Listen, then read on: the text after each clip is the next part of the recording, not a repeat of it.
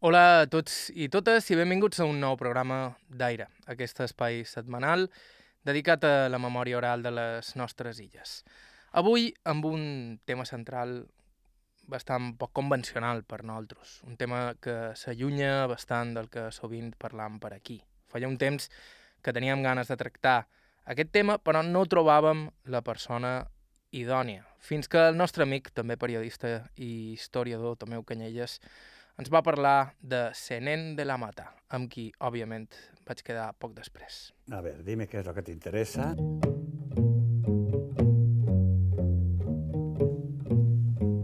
I de, el que ens interessava, el que ens interessa, era conèixer un poc millor la història d'uns elements amb els que convivim gairebé a diari molts de nosaltres, on treballen milers i milers de persones arreu de les illes i que formen part del decorat suburbà de les nostres ciutats i molts de pobles.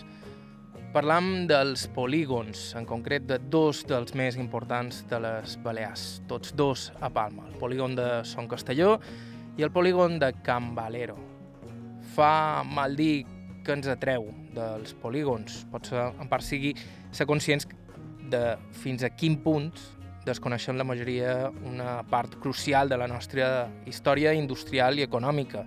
O potser sigui només una qüestió personal. Per exemple, jo record perfectament quan de petit acompanyava mon pare a la feina i com tot aquell món de manots en camisa, berenars pantagruèlics a preus populars i tràfic constant de treballadors, camions i furgonetes, em semblava d'allò més exòtic, el món dels adults. Aquella gent feia coses.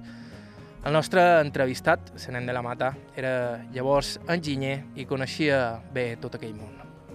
Yo he trabajado en San Castelló durante un tiempo en mi calidad de ingeniero, pues entonces estuve allí durante varios años. Però a més d'enginyer, de la Mata és historiador, encara que va estudiar la carrera ja de major.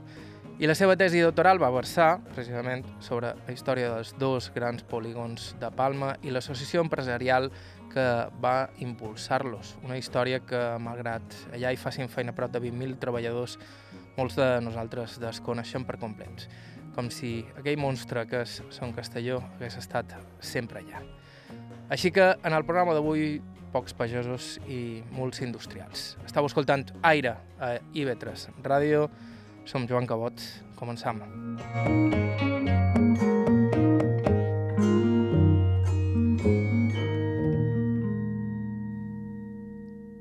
I ho fèiem viatjant als anys previs al naixement dels polígons, quan totes les indústries de ciutat estaven ficades al vell mig del casc urbà. Todas las industrias, pequeñas industrias de Palma estaban todas metidas dentro de la ciudad.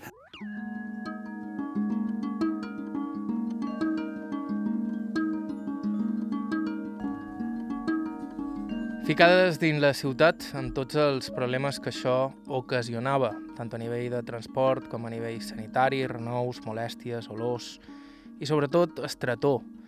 Moltes indústries no podien créixer perquè no tenien més espai per fer-ho, així que la nostra història comença en els darrers anys del franquisme, quan alguns empresaris de les illes varen començar a associar-se i cal recordar que en aquells anys associar-se no estava permès, era, en teoria, il·legal. Però tot i així, aquells varen ser els anys en què començaren a donar-se les primeres passes per la creació del que seria ACIMA, l'Associació d'Industrials de Mallorca. ASIMA en principio fue Asociación Sindical de Industriales de Mallorca. Eso fue ASIMA en principio. No había otra alternativa. Tenía que ser Asociación Sindical de Industriales de Mallorca porque estábamos dentro de los sindicatos verticales. Ahora, una vez pasada la transición y la democracia, justamente las siglas ASIMA no hubo que cambiarlas, porque entonces lo de sindical, pues AS, Asociación de Industriales de Mallorca. Se eliminó lo de sindical y punto. Esto es tan sencillo como esto. Había un sindicato vertical, entonces de ahí pues había un, cambio político. El año 77 se regula la ley de derecho de asociación sindical y entonces ya a partir de ahí, el 68, Asima promovió la, una serie de, de, asociaciones y después ya se hizo la Unión de Empresarios de Baleares y después eh, al final ya el año 77, 77 que es lo que te he dicho, eh, se crea en el, mes de, en el mes de abril se, hace, se, aprueba la ley de asociación sindical, en junio se hace la COE, muy importante, en septiembre nace la CEPIME y en Baleares en diciembre nace la CAE. Entonces, a partir de ahí es cuando puedes decir, existe un asociacionismo empresarial en las Baleares que ya está en vigor.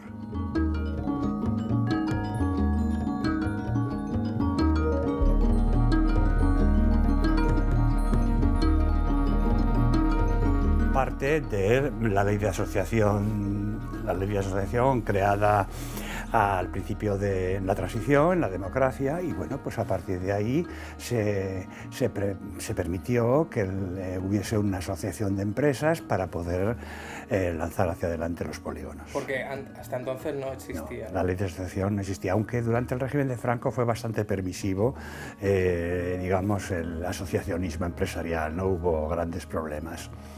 Pero bueno, a lo que vamos es que eh, a partir de la ley de asociación, pues eh, se abrió la mano para que hubiese asociaciones de empresas y la realidad es que el año 77 fue un punto de inflexión para este tipo de cosas.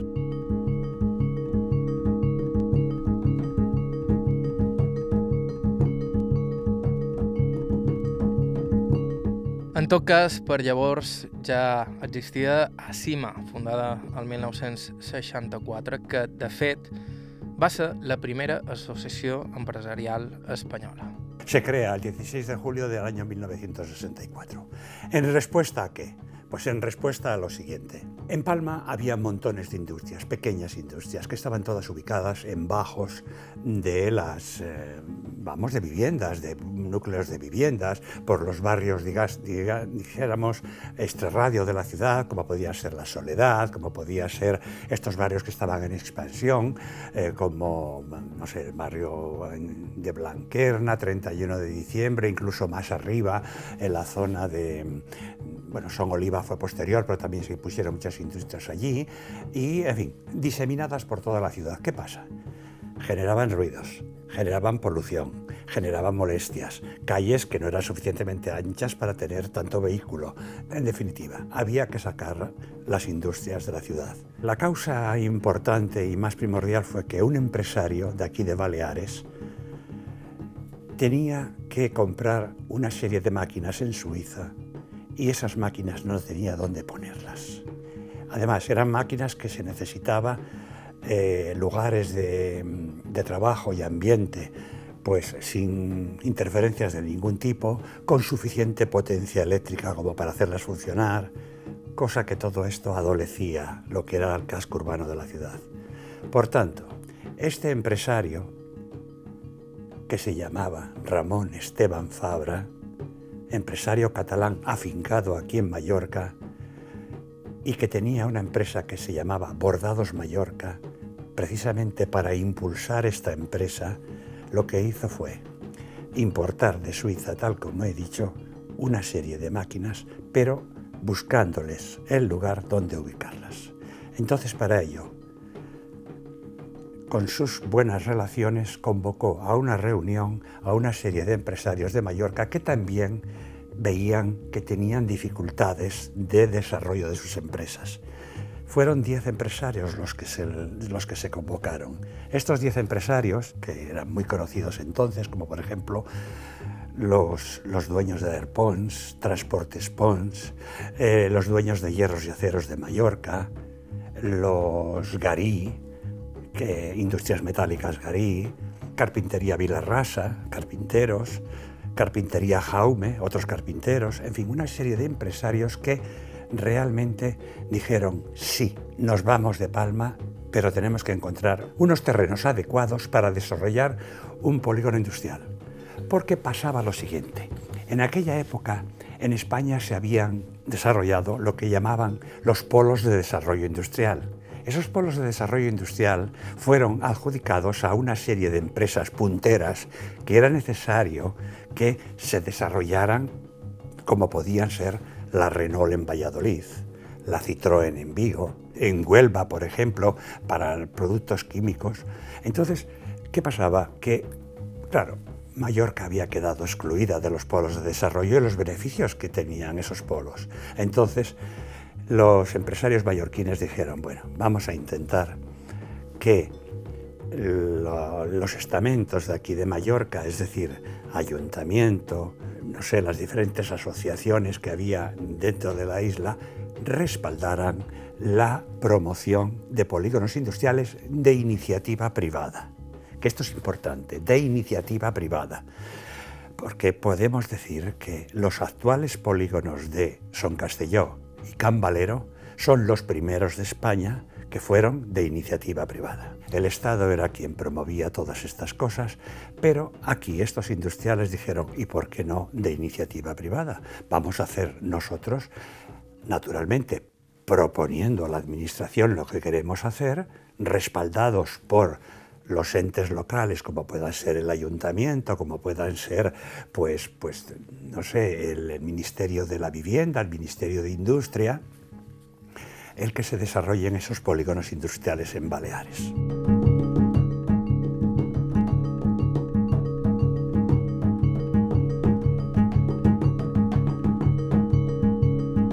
Entonces, estos señores formaron una junta gestora que, como he dicho antes, se constituyó el 16 de julio de 1964, por lo cual la calle más larga del polígono de, Son Castelló se llama calle 16 de julio. Y entonces, en esa fecha, se fundaron los polígonos industriales.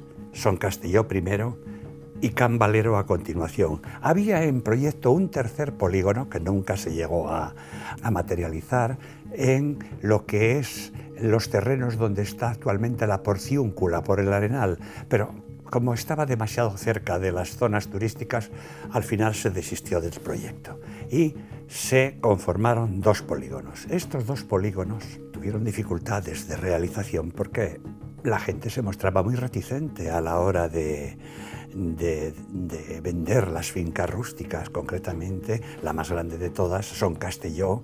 Bueno, hubo un momento en que quizás las dificultades de negociación fueron fueron arduas.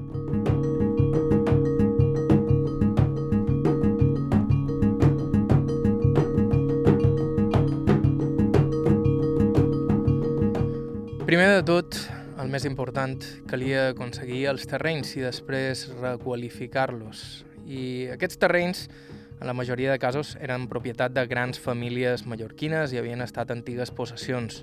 Són Llorenç, són de Viu, Son Orpina, Son Estaca, Son Rigo y la más gran, obviamente, Son Castelló.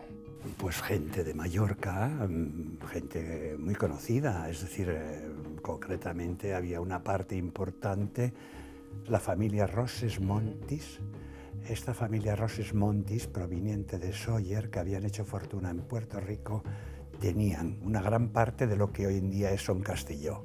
Y luego otras familias, los Darder, también que después los concesionarios de vehículos Darder también tenían parte, personas que tenían fincas rústicas y que las aportaron. Y tal como he dicho antes, se formó una junta de compensación. Una junta de compensación es sencillamente tú aportas los terrenos y una vez urbanizados yo me quedo una parte como propietario de los terrenos originales y el resto se comercializan. Vale, entonces se hizo de esa manera y se empezaron a vender solares, muchísimos solares, hubo una gran aceptación y empezaron a instalarse industrias en los polígonos.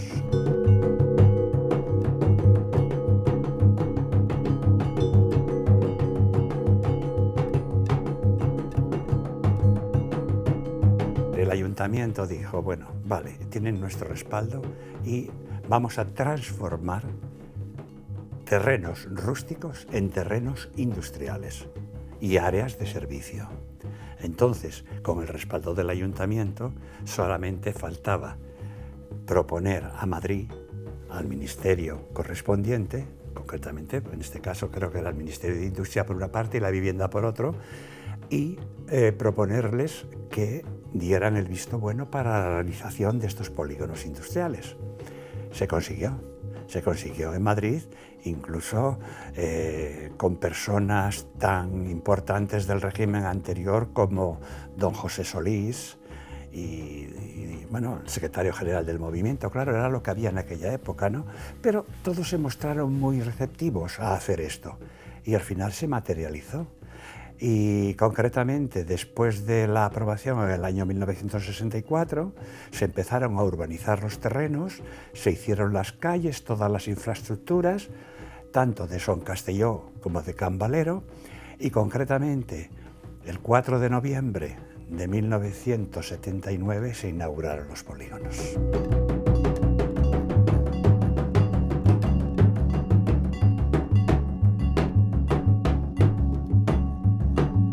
Es decir, cinco años después de la aprobación empezaron a funcionar, aunque realmente ya había industrias que se habían ido instalando. Precisamente las industrias de los promotores iniciales de los polígonos.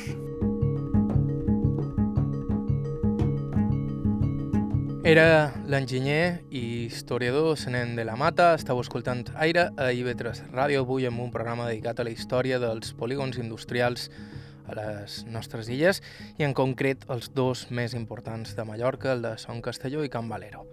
Fem una breu pausa i continuem.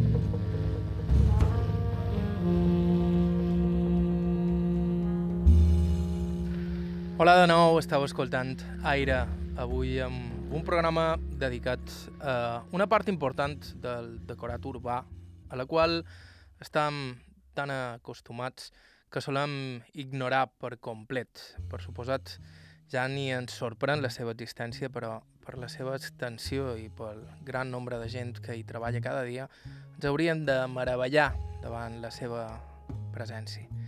Parlam dels polígons industrials i en concret dels de Son Castelló i Can Valero Palma i el nostre guia per la seva història és Senent de la Mata, enginyer i historiador que precisament va dedicar la seva tesi a l'estudi de la història d'aquests dos polígons que un cop inaugurats varen convertir-se en el centre neuràlgic del món industrial de ciutats. Hubo una época de mucha euforia al principio, luego las, las diversas crisis eh, que hubo a lo largo de, la segunda mitad del siglo XX hizo que, bueno, hubiese altibajos en los polígonos, en las ventas de solares, pero actualmente podemos decir que tanto Son Castillo como Can Valero están al 100% de ocupación. Aparte de que también hay una cosa que debemos decir, y es que de las naves industriales que se hicieron al principio, prácticamente ya no queda ni rastro, porque todas han sido transformadas, modernizadas, rehabilitadas, y hoy en día tú vas, por ejemplo, a los polígonos y la Gran Vía Sima, por ejemplo, de hoy, no es la Gran Vía Sima de los años 70. Es completamente diferente. ¿Por qué? Porque se han ido modernizando. Eh, es muy diversa la, la tipología de los, vamos, de, los industriales que se ubicaron allí. desde transportistas, distribuidores de alimentación, eh, fabricantes de hierros y aceros, eh, transformados metálicos.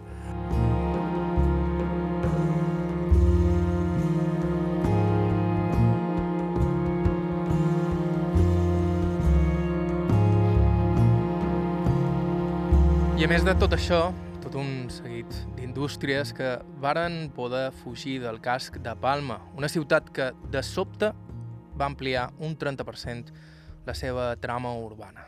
El 4 de noviembre de 1967 se inauguraban los polígonos industriales. Atención a esto. El de Can Valero y el de Son Castelló. En aquella época, Palma Ciudad incorporó a su trama urbana, a lo que es el casco de la ciudad, claro, hay que contar los polígonos como Palma también, un 30% más de superficie, con, con los consiguientes problemas para el ayuntamiento, pero también con la consiguiente recaudación para el ayuntamiento.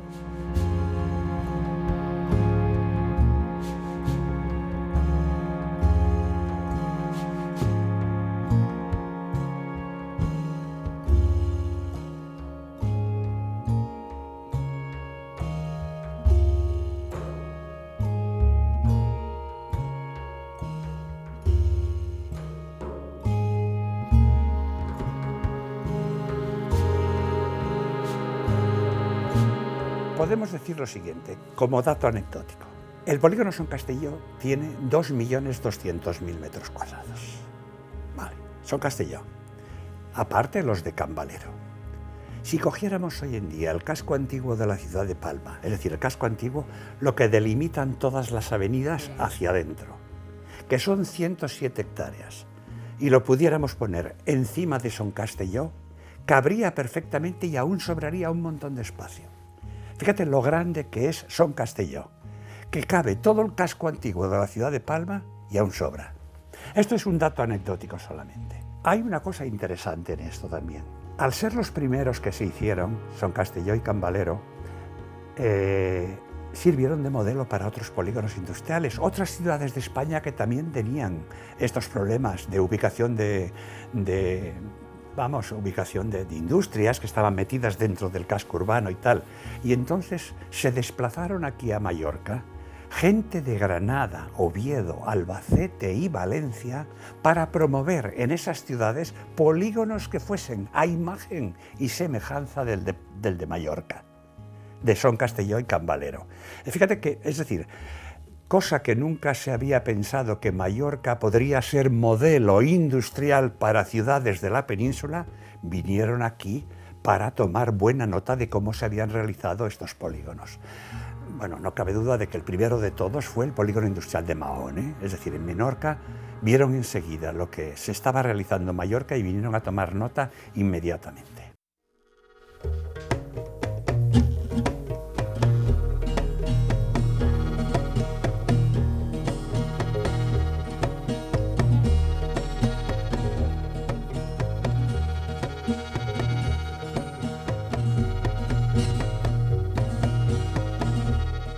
Però més enllà del que va suposar geogràficament per la ciutat, treure del centre i els barris perifèrics de Palma bona part de les seves indústries, la creació dels polígons de Son Castelló i Can Valero també va impulsar de manera inèdita el teixit associatiu empresarial.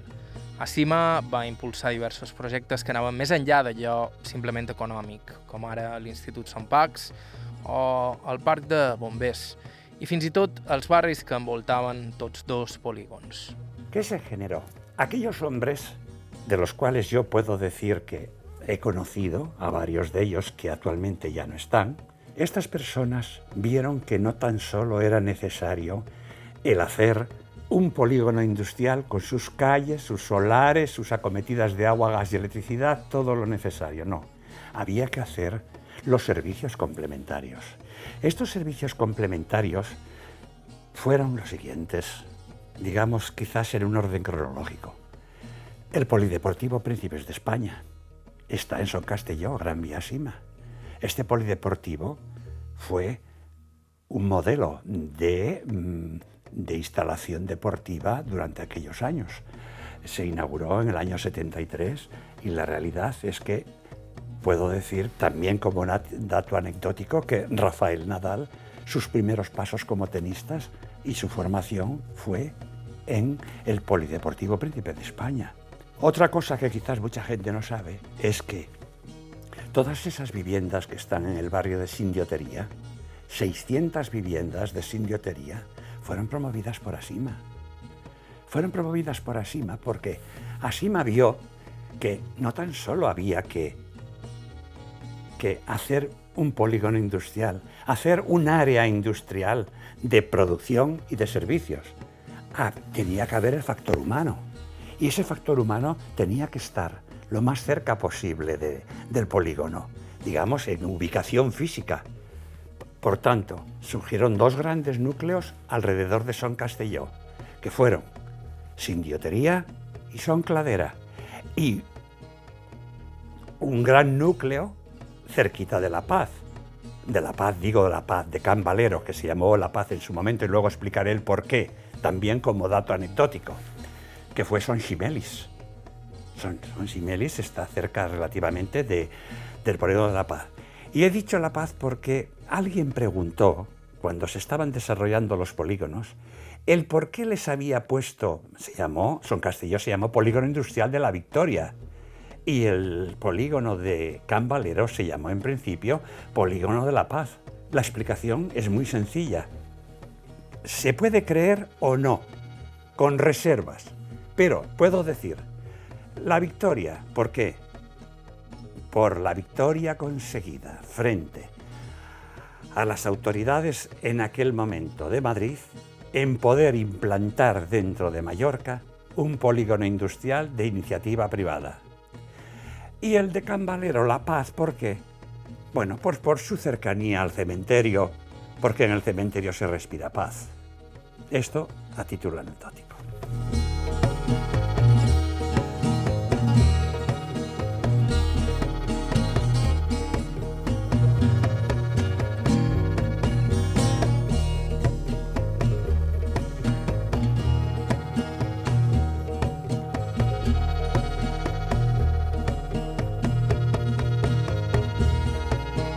Aparte de lo que he dicho, del grupo de viviendas de sitiotería también se hizo una cosa interesante. Había que montar centros de formación para las futuras generaciones de posibles operarios del, polígono.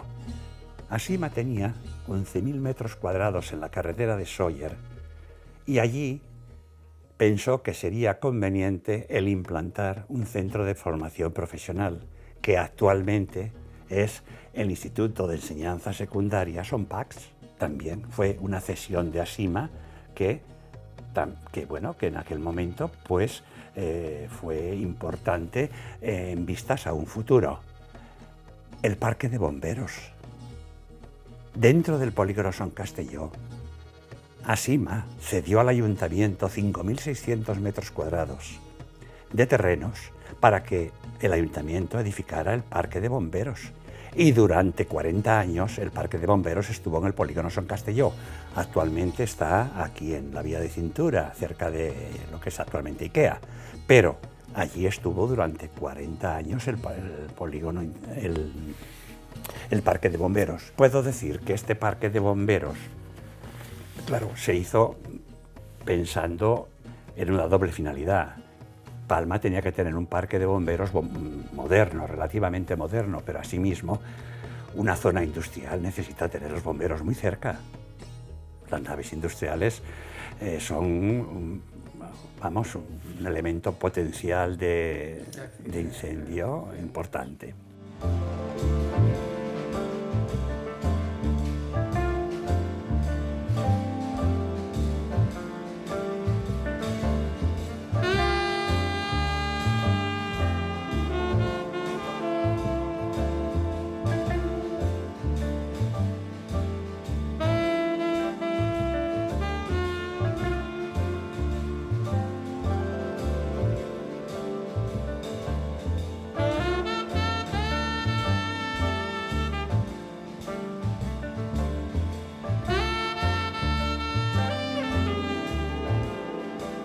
Había acabado con el parque de bomberos, pero también en el aspecto intelectual había que formar no a los trabajadores, a los empresarios.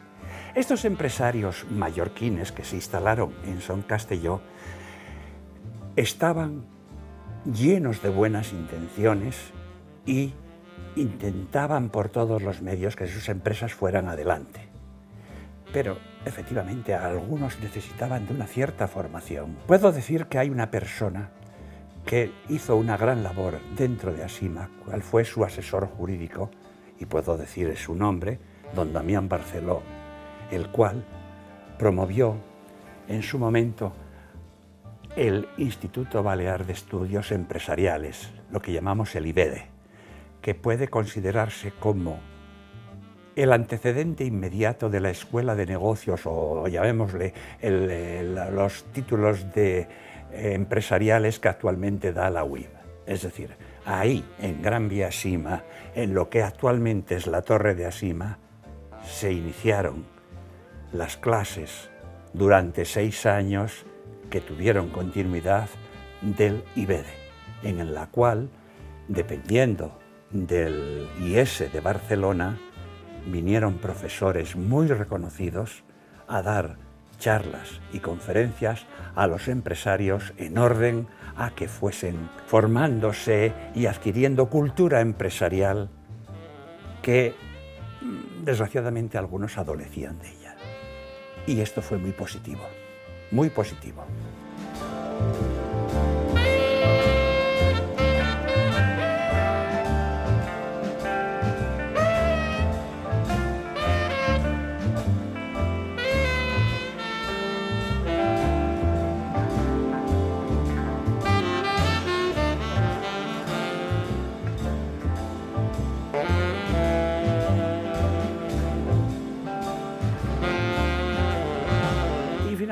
También puedo hablar de una revista que se editó en aquellos tiempos, que se llamaba Economía Balear y que se, fue pionera en, y, tiene un gran valor histórico esta revista. Se editó entre 1969 y el 75 y la realidad es una fuente de datos importante, una fuente de datos muy importante para conocer el desarrollo de los polígonos industriales. En la página web de ASIMA está digitalizada la revista. Y bueno, y después, como diga, digamos, como de cara al exterior, ¿cuál es el elemento más representativo de Asima? La Torre Asima. La Torre Asima al principio de Son Castelló. Esa torre, que tiene un cierto aspecto con un edificio que yo he visto en Milán que le llaman el Pirellone, de la casa Pirelli, de los neumáticos, tiene la misma conformación, pues eh, fue una obra que se desarrolló durante tres años y que finalmente en sus 14 plantas pues tenemos actualmente ubicadas un montón de, empresas que desarrollan, allá, desarrollan allí su actividad. ¿eh? La Torre Asima.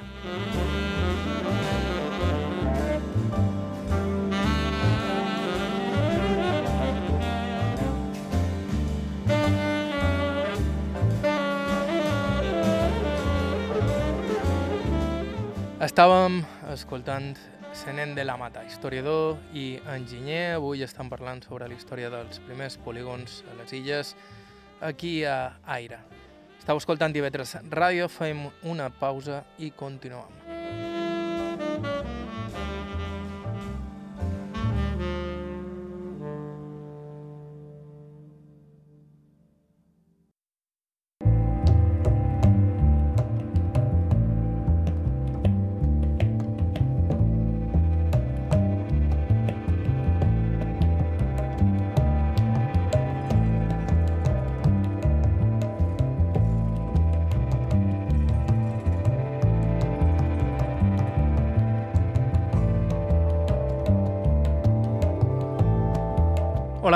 Continuem amb el programa d'avui aquí a Aire, a IB3 Ràdio. Un programa en què hem estat repassant la història dels polígons de ciutat de Palma, el de Son Castelló i Can Valero, els dos primers polígons industrials d'iniciativa privada que hi va haver a l'Estat i inspiració per a molts de polígons semblants tant arreu de les illes com a la península.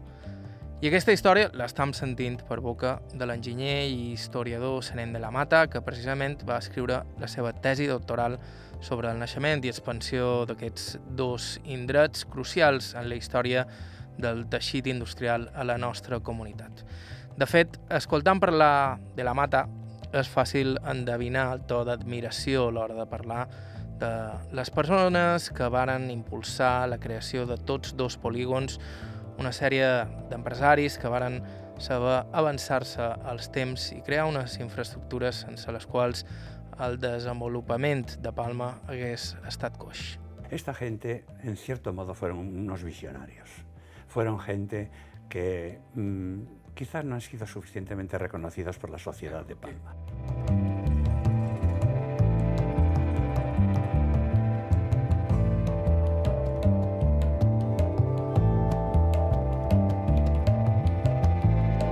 Personas, el primero que ya lo he comentado era don Ramón Esteban Fabra, que este señor fue quien impulsó la creación de los polígonos industriales. Era un empresario catalán del sector textil eh, afincado en Palma. Tenía una empresa que se llamaba Bordados Mallorca.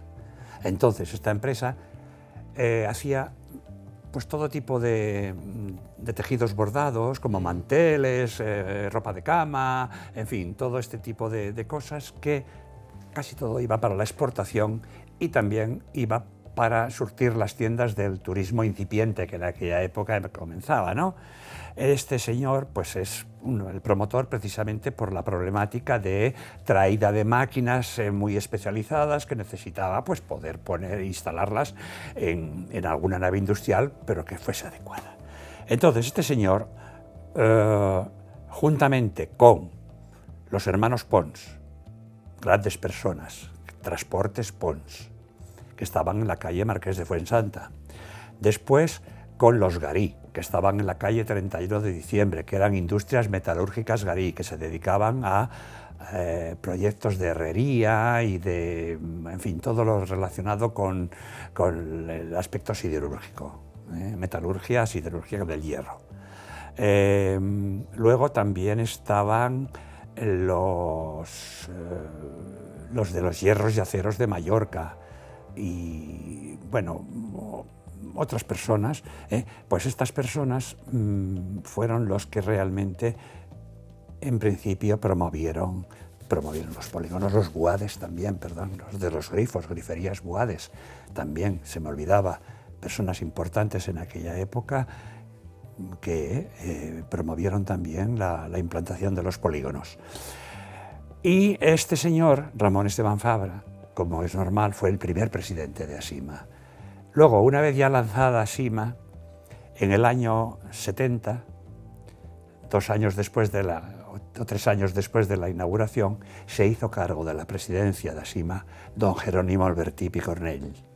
Este señor, bueno, era un señor también empresario, tenía industrias relacionadas con los transportes y el turismo, y esta persona, pues, eh, podemos decir que fue durante 10 años, del, 60, del 70 al 80, el presidente que, en cierto modo, acometió más realizaciones dentro de los polígonos, aparte de que podemos decir que quizás, pues, pues en aquella época pudo apoyarse en lo que era la gestión de la asociación de los polígonos, en cierto modo, pensando en su trayectoria política posterior.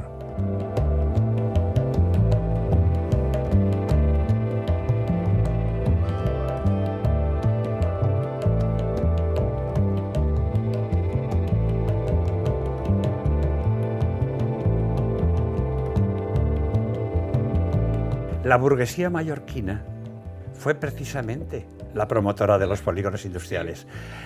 La capacidad económica para, la adquisición de los terrenos y la implantación de naves con su maquinaria y equipamientos partió de la burguesía, naturalmente, porque veían su beneficio propio, pero también, también buscaron la posibilidad de que Palma se desarrollara en otro sentido. Es decir, en el sentido de decir, no, Palma tiene que ser una ciudad moderna en la cual las industrias estén alejadas del casco antiguo o casco urbano de la ciudad ¿eh? y los obreros, los trabajadores, tengan mejores condiciones de trabajo en naves amplias, diáfanas, luminosas, no en bajos de, de fincas insalubres, porque era realmente insalubre. Entonces, yo creo que fue una especie de sinergia entre estos dos, estos dos eh, eh, elementos que tú me hablas. La sociedad, digamos, de un determinado nivel y la sociedad laboral, vale. Pero, oye, era necesario. Y de hecho, puedes pensar que hoy en día, si no existieran polígonos como Son Castelló y Cambalero, ¿qué sería en cierto modo, de palma. Si todas las industrias, precisamente volcadas en el turismo, en el transporte, en la alimentación, están todas ubicadas en Costilla. Mira, puedo decirte, empresas importantes, tanto de aviación, hoteleras, eh, bueno, empresas, eh, hasta incluso el pase del metro por debajo de Gran Vía Sima con cuatro estaciones que salen al polígono. Es decir, a la superficie hay cuatro estaciones de la línea del metro que afloran al exterior.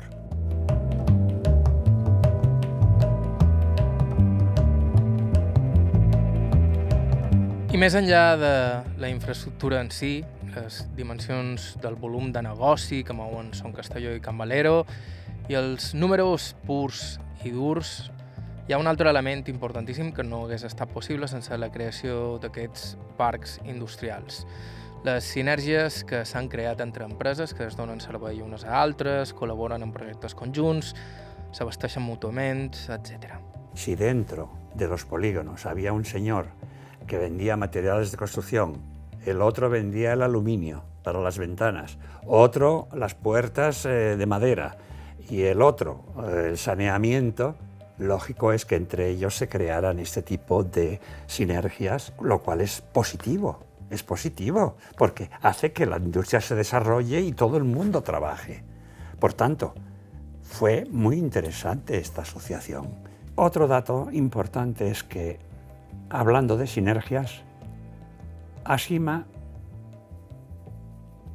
fue la primera asociación industrial de industriales en Mallorca.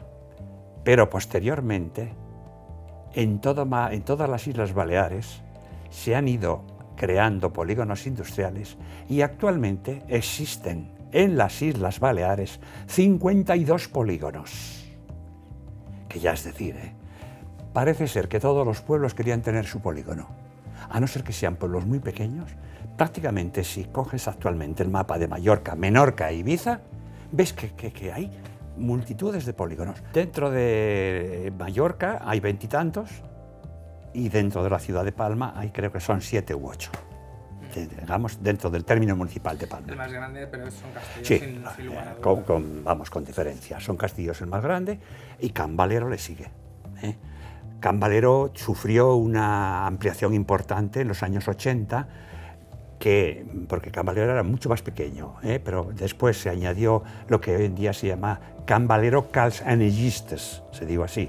¿eh? Entonces, eh, es lo que, lo que va a continuación, la carretera de Puigpullent, donde está la rotonda de donde está el estadio del Mallorca, hacia arriba, y llega un momento en que hay una ampliación de Son Castelló que se hizo en los años 80 porque era necesario.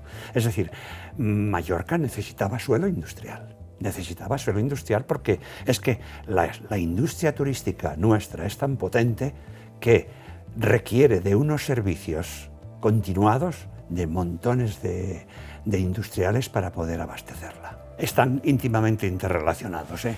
es decir, el sector turístico requiere del sector industrial de todas, todas. No funcionaría. ¿Por qué? Alimentación.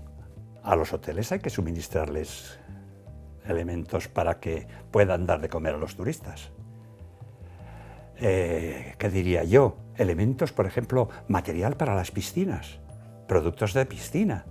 Hay que mantener bien productos de jardinería. Y luego, aparte de esto, que las industrias hoteleras, las industrias relacionadas con el turismo, tanto autocares, autocares, hay varias, varios garajes de autocares enormes dentro de, de los polígonos industriales que dan servicio a aeropuerto y hoteles, excursiones y todo lo demás.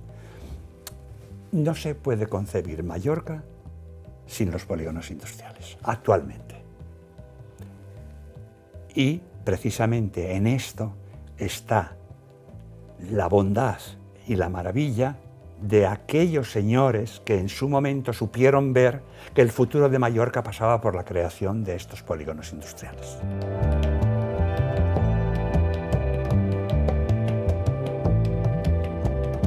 Avui en dia seria difícil imaginar Palma sense els polígons de Son Castelló i Can Valero. De fet, seria impossible imaginar les illes sense els polígons, que potser han duit també coses dolentes, però que sens dubte són i han estat uns elements crucials de la història econòmica i industrial de la nostra comunitat. Avui en dia, CIMA continua sent una de les associacions empresarials més importants de Mallorca i per aquests dos polígons passen cada dia laborable prop de 20.000 persones, que és el nombre de treballadors que es calcula que hi fan feina. La afiliación a CIMA es, es, es voluntaria. Unos breves datos que hoy que tendríamos que tomar de lo que representa hoy a CIMA en Mallorca es lo siguiente.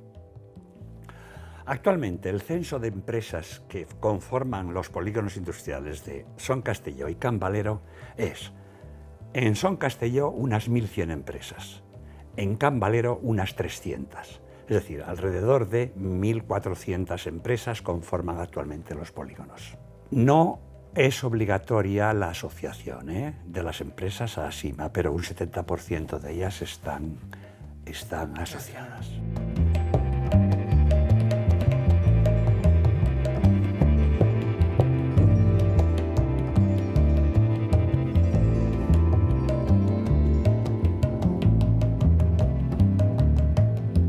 En los polígonos industriales de Asima trabajan alrededor de 20.000 trabajadores y que Asima, el conjunto de los dos polígonos, representan en cuanto a beneficios económicos un 20% del Producto Interior Bruto de las Baleares.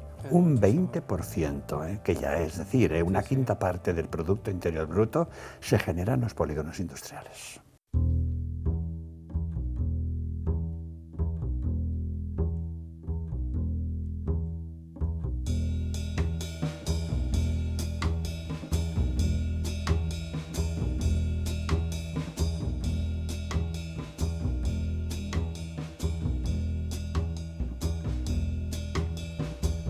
I fins aquí el programa d'avui. Gràcies a Senent de la Mata pel seu temps i amabilitat i també gràcies a Tomeu Canyelles per posar-nos en contacte amb ell. Us recordam que si ens voleu proposar alguna entrevista ho podeu fer enviant-nos un correu a aire.ivetresradio.com o també ens podeu deixar un missatge al 971 13 99 31. També ens podeu seguir a Facebook i Instagram i si us voleu subscriure al podcast del programa ens trobareu eh, serveis semblants a Apple Podcast, etc etc. L'arxiu complet del programa el teniu a ib3alacarta.com. Bàrbara Ferrer a la producció executiva, Iker Hernández a la producció tècnica. Us ha parlat Joan Cabot. Fins la setmana que ve.